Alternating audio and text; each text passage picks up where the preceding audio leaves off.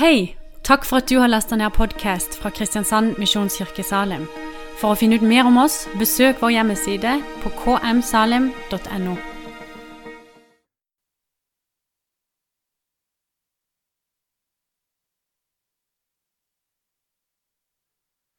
Takk for nydelige toner.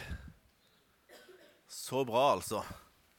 Jeg, jeg må applaudere gospelkoret litt ekstra, kan vi ikke det?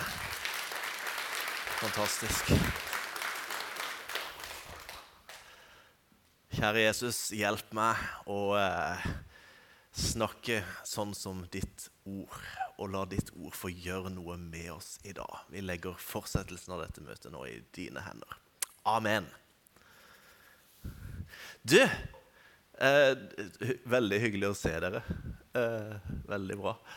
Eh, vi skal snakke om, eh, om de ti bud. 'Stopp tyven' er tittelen på dagens tale. Taleserien er, som, som Silje sa, eh, et annerledes folk. Og det har handla om de ti bud en stund her i, i Salem i høst. Eh, de budene som, eh, som, Gud ga til Moses på Sina i fjellet, som skulle kjennemerke det folket som han hadde leda ut fra Egypt, og som han hadde sett seg ut de skulle kjennemerke dem sånn at folk la merke til at de var et folk med gudgitte lover, med gudgitte idealer og med gudgitte verdier. Og I dag er det det syvende budet vi skal snakke om. og Dagens tekst den er kort og grei. Den står i 2. Mosebok 20, vers 13, og består av fire ord. Du skal ikke stjele.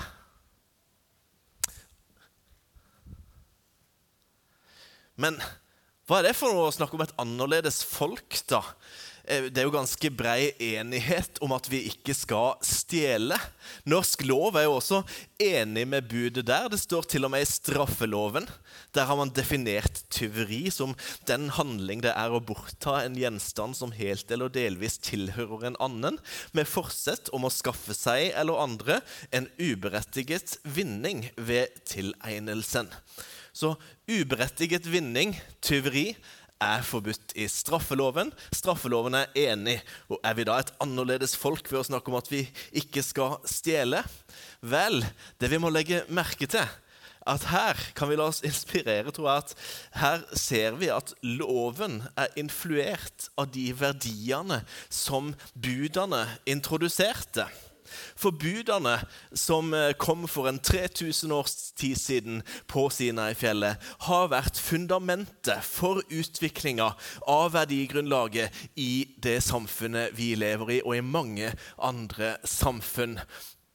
De ti bud grunnfester og introduserer mange av de verdiene vi tar som så gitte og så selvsagte at vi ikke tenker over opphavet de sitt. De ti bud grunnfester individets integritet.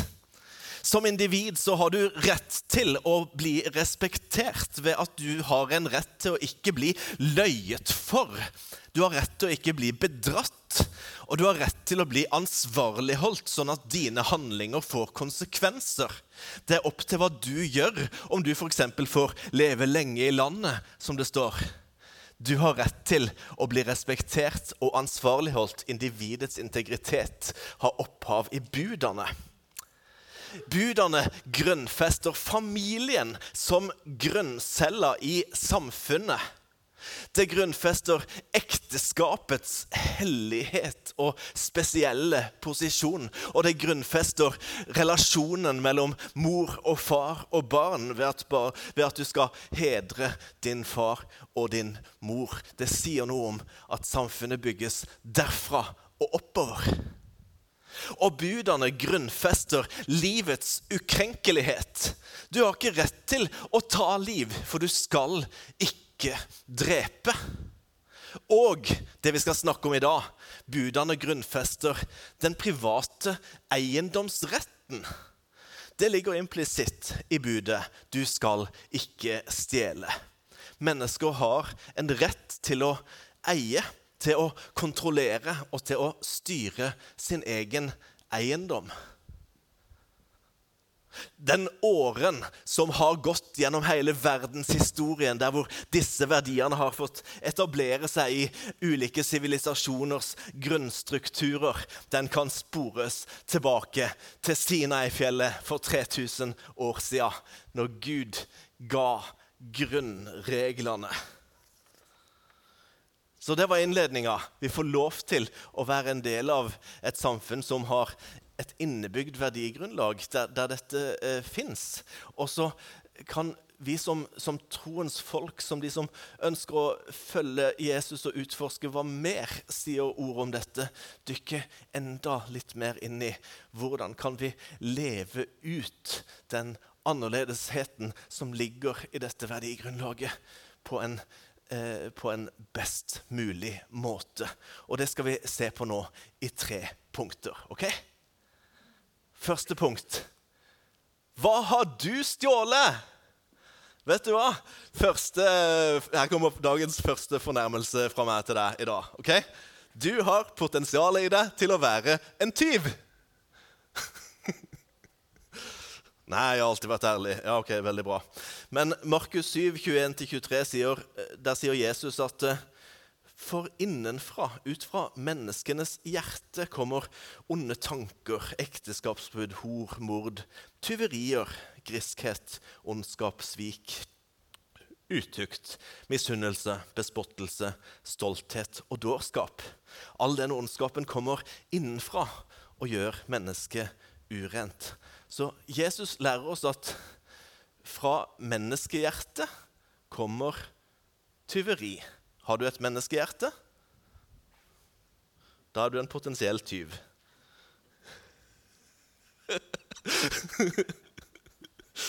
Oi. Nei, du vet, Det bor en fallen menneskenatur i oss alle sammen. Ikke én er rettferdig, alle er veket av, står det. Så fristelsen til å stjele, til å ta fra andre det som rettmessig tilhører dem, det kommer ut fra det falne menneskets behov for å ha mer enn det man har, og villigheten til å tilegne seg det på uredelig vis. Eh, skal bare utforske litt tre vers i ordspråkboka som utdyper litt for oss eh, hva tyveriene vi fristes til, kan bestå i. Sånn mer konkret. For det er jo ikke bare bankran og butikknasking, liksom. Da er, da, da, da er, det kanskje greit. Det er ikke så mange her inne som har rana en bank. Ikke det siste, iallfall, tror jeg. I ordspråkene 11.1 så står det falsk vekt er en styggedom for Herren, men et lodd med full vekt er til behag for ham. Er det noen som, eh, det noen som husker eh, tiden da du gikk på butikken og fikk veid opp eh, sukker eller mel med et lodd på vekta hos kjøpmannen? Er det noen som er gammel nok til det her? Det er det, ja. Bra. Falsk vekt, det er jo hvis du på en gammeldags vekt setter et lodd som egentlig veier 800 gram, og sier at dette er en kilo, og når det er jevnt, så sier du her har du fått en kilo mel. Sant? Eh, så falsk vekt det er å, å, lure til seg ved å oppgi feil opplysninger. Eh, det kan handle om å utelate noe som skulle vært tatt med på skattemeldinga. Det kan handle om å skrive litt flere timer enn du egentlig har jobba. Det kan handle om å la være å si fra hvis du merker at fyren i kassa på Rema 1000 egentlig ikke slo inn alle varene dine før du skulle betale. Falsk vekt er en styggedom for Herren. Å lure til seg ved å oppgi feil opplysninger. Ok, Vi går videre til eh, ordspråkene 29-24. Der står det Den som deler med en tyv, hater sin egen sjel. Han sverger på at han skal fortelle sannheten, men forteller likevel ingenting.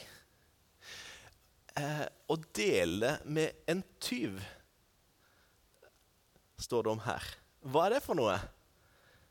Jo, det har å gjøre med at du får del i noe, og så går du ikke ut og forteller sannheten om det. men du lar det ligge for å tjene noe på det sjøl.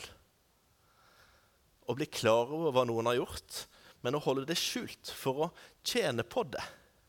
Det kan handle om noe så simpelt som at du sier at jeg skal ikke si at du naska i butikken hvis du gir meg halvparten av tyvegodset. selvfølgelig.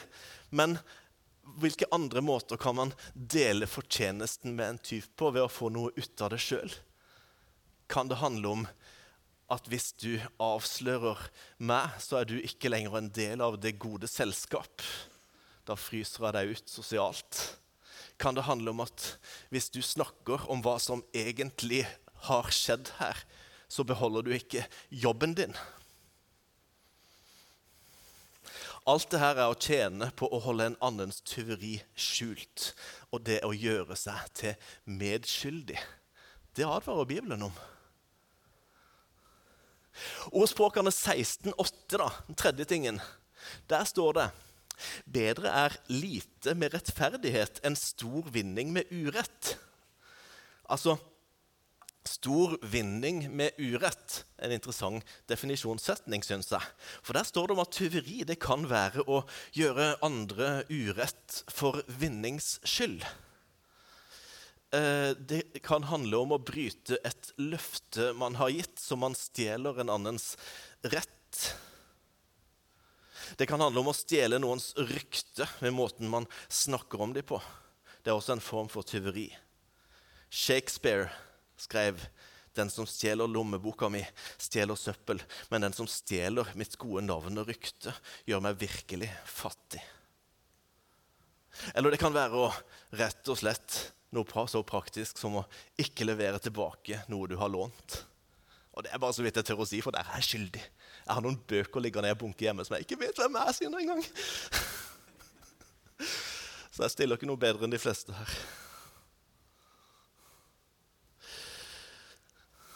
Så vi utfordres altså av Guds ord til at vi skal ikke stjele. Vi skal ikke bedrive falsk vekst, lure til oss noe. Vi skal ikke dele med tyver, la være å avsløre for å tjene noe på det sjøl.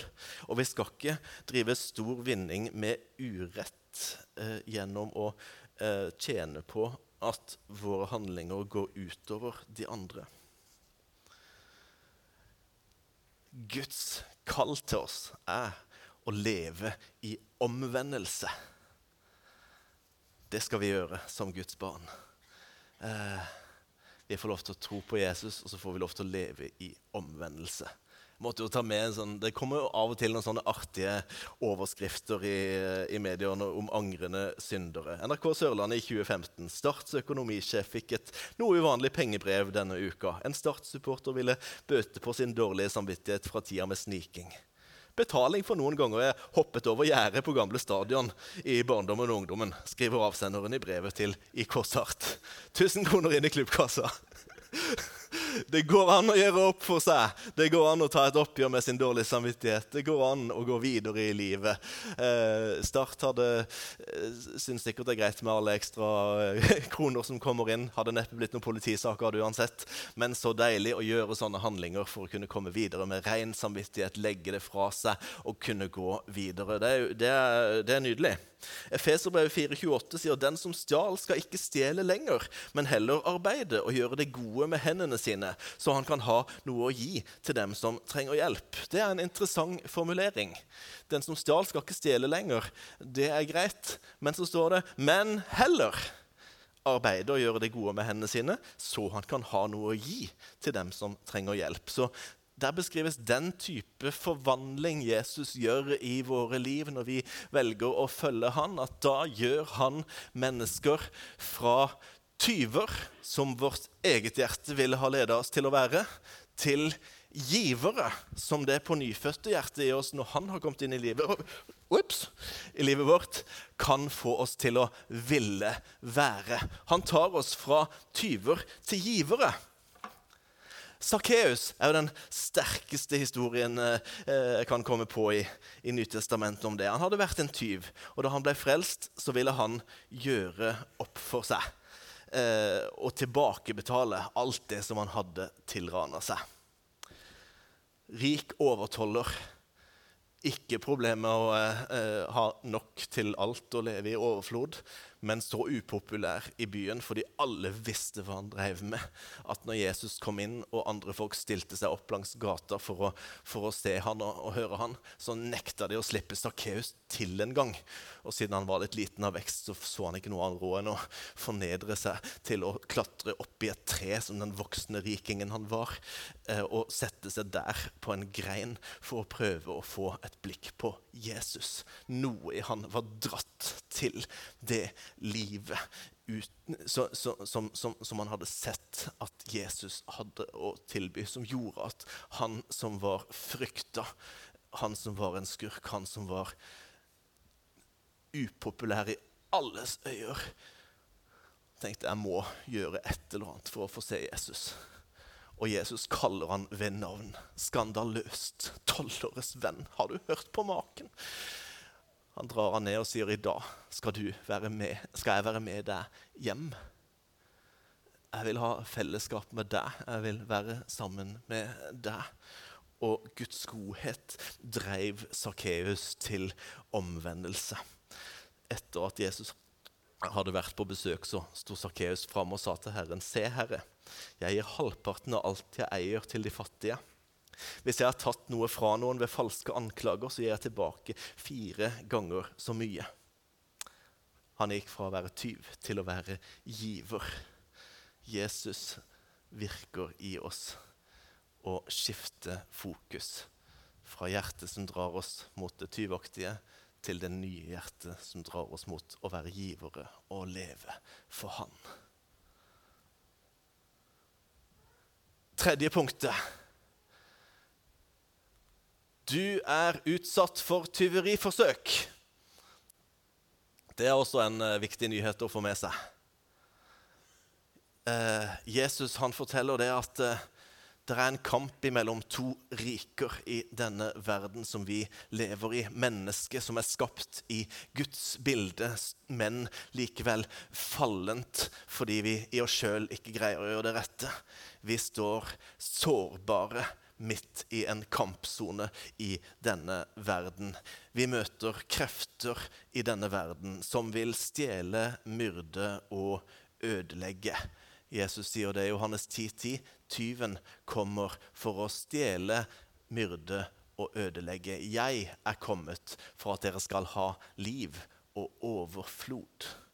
Motkreftene av hans rike vil stjele, myrde og ødelegge. Men han vil at du skal få lov til å leve et liv der du erfarer hans liv og hans overflod i og ut ifra din ånd.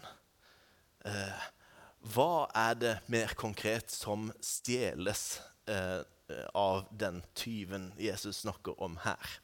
Det tyveriforsøket du er utsatt for, det handler om eh, at man forsøker å stjele de tingene som Guds rike består i. Det som du er kalt til å leve i å leve ut og få lov til å erfare som Guds gode gaver. Og Hva består Guds rike i? Jo, Det står i, eh, i Romerbrevet 14, eh, vers 17. Eh, Der står det Guds rike består ikke å spise og drikke. Det består ikke i liksom, jordiske regler og, og, og matregler bare. Men i rettferdighet, fred og glede i Den hellige ånd. Der forteller Guds ord oss om de tre viktige komponentene som Guds rike består av. Det riket som du er kalt til å leve i, eh, det, det, der du finner de gavene for livet som Gud har for deg. Rettferdighet, fred og glede i Den hellige ånd. Det er disse tingene tyven er kommet for å stjele, myrde og ødelegge fra ditt liv. Eh, han er kommet for å myrde livet i Gud, sånn at du ikke får leve et liv der du erfarer at du er frelst, du er tilgitt, du er i en åpen relasjon med skaperen din, sånn at du kan leve ut kallet ditt og blomstre i liv og tjeneste. For å få til det, så er det første som tyven må forsøke å stjele, det er din rettferdighet innenfor Gud. Vet du, Din rettferdighet innenfor Gud, det er Jesus sin rettferdighet. Han levde et fullkomment liv som godtgjør at du ikke har greid det. Eh, du, har, du trenger ikke å få til sjøl å, være god nok. Det kan vi ta imot som en gave ifra Han. Jeg må lese litt fra Romerbrevet 3 om det, fra vers 21. Nå er Guds rettferdighet blitt åpenbart, uten noen lov. Den rettferdighet loven og profetene bevitnet, det er Guds rettferdighet ved tro på Jesus Kristus, til alle og over alle som tror. Bare host litt. Oi. For det er ingen forskjell, for alle har synda og mangler Guds herlighet. Men de blir rettferdiggjort, ufortjent, av Hans nåde ved forløsninga, den som er i Kristus Jesus. Det er det Jesus gjorde på korset, som gjør at du er rettferdig innenfor Gud. Der tok han på seg hele den boten du burde ha betalt, og så nagla han skyldbrevet fast til korset. Og Så ble det spikra fast der, og så sa han det er fullbrakt, og så døde han, og så hadde han tatt all din straff på seg. Så ble han gjort levende igjen, reist opp fra graven til, til, til, evig liv. Og så sier han til deg, 'Velkommen etter inn i det evige livet.' Ikke pga. deg, men pga. meg. Pga. det han har gjort, så er du rettferdig innenfor Gud og kan få del i hans liv. Den rettferdighetsoppvisninga eh, er det noen som forsøker å stjele for deg. Tyveriet eh, kan handle om å få deg til å, i stedet for å fokusere på at Jesus sa det er fullbrakt, jobbe for å være god nok for Gud. Det kan også handle om å eh, gå i motsatt grøft og få deg til å begynne å leve som om den rettferdiggjørelsen du har fått, ikke egentlig spiller noen rolle for livet ditt. Tro og omvendelse hører sammen. Rettferdiggjørelsen fører til frukter. Du tar annerledes valg enn før. Du lar Gud få prege deg, sånn at du går faktisk fra å være tyv til å bli giver. Du lar det endre deg. Eh, liv og overflod det får du ved å gi Han æren for at du er frelst og leve i omvendelse, sånn at ingenting blokkerer kanalene imellom deg og han. Tyveriet det er å få det til å øh, øh, øh, Ja. Neste punkt freden. Um, la oss lese de vers, verset fra Romerbrevet 14, vers 17 og videre til vers 19, for der står det litt mer om det som dreier seg om komponent nummer to, nemlig fred. Du er kalt til å leve i fred, til å ha fred i hjertet og til å være en som skaper fred. Eh, for Guds rike består ikke i å spise og drikke, men i rettferdighet, fred og glede i Den hellige ånd, leste vi. Den som tjener Kristus i disse ting, er til glede for Gud og består sin prøve for mennesker. La oss derfor ivrig søke etter det som tjener til fred, og det som fører til oppbyggelse av hverandre. Livet med Gud er et liv der du ivrig søker etter det som tjener til fred og fører til oppbyggelse av hverandre. Tyveriet da blir å få deg til å ikke ivrig søke etter det som tjener til fred og fører til oppbyggelse, men i stedet bli en som skaper strid, en som river ned. Eh, og strategien der det handler om at angrepet går først mot din egen indre fred. For det, vi vet det at ingen av oss kan gi videre noe vi ikke selv først har fått. Bibelen snakker om indre fred som en gave ifra Gud. Filippobrevet 4, vers 7 gir et løfte om at Guds fred, som overgår all forstand, skal bevare deres hjerter og tanker i Kristus Jesus. Og Den hellige ånd som bor i hjertet til deg som har tatt imot Jesus, det er fredens ånd. Herren er fred. Ikke la den indre freden bli stjålet. Ikke gi etter for bitterhet eller for flukt ut i destruktive mønstre når ting er vanskelig. Freden den gjør at det kan være vel med din sjel midt i stormen. Og gleden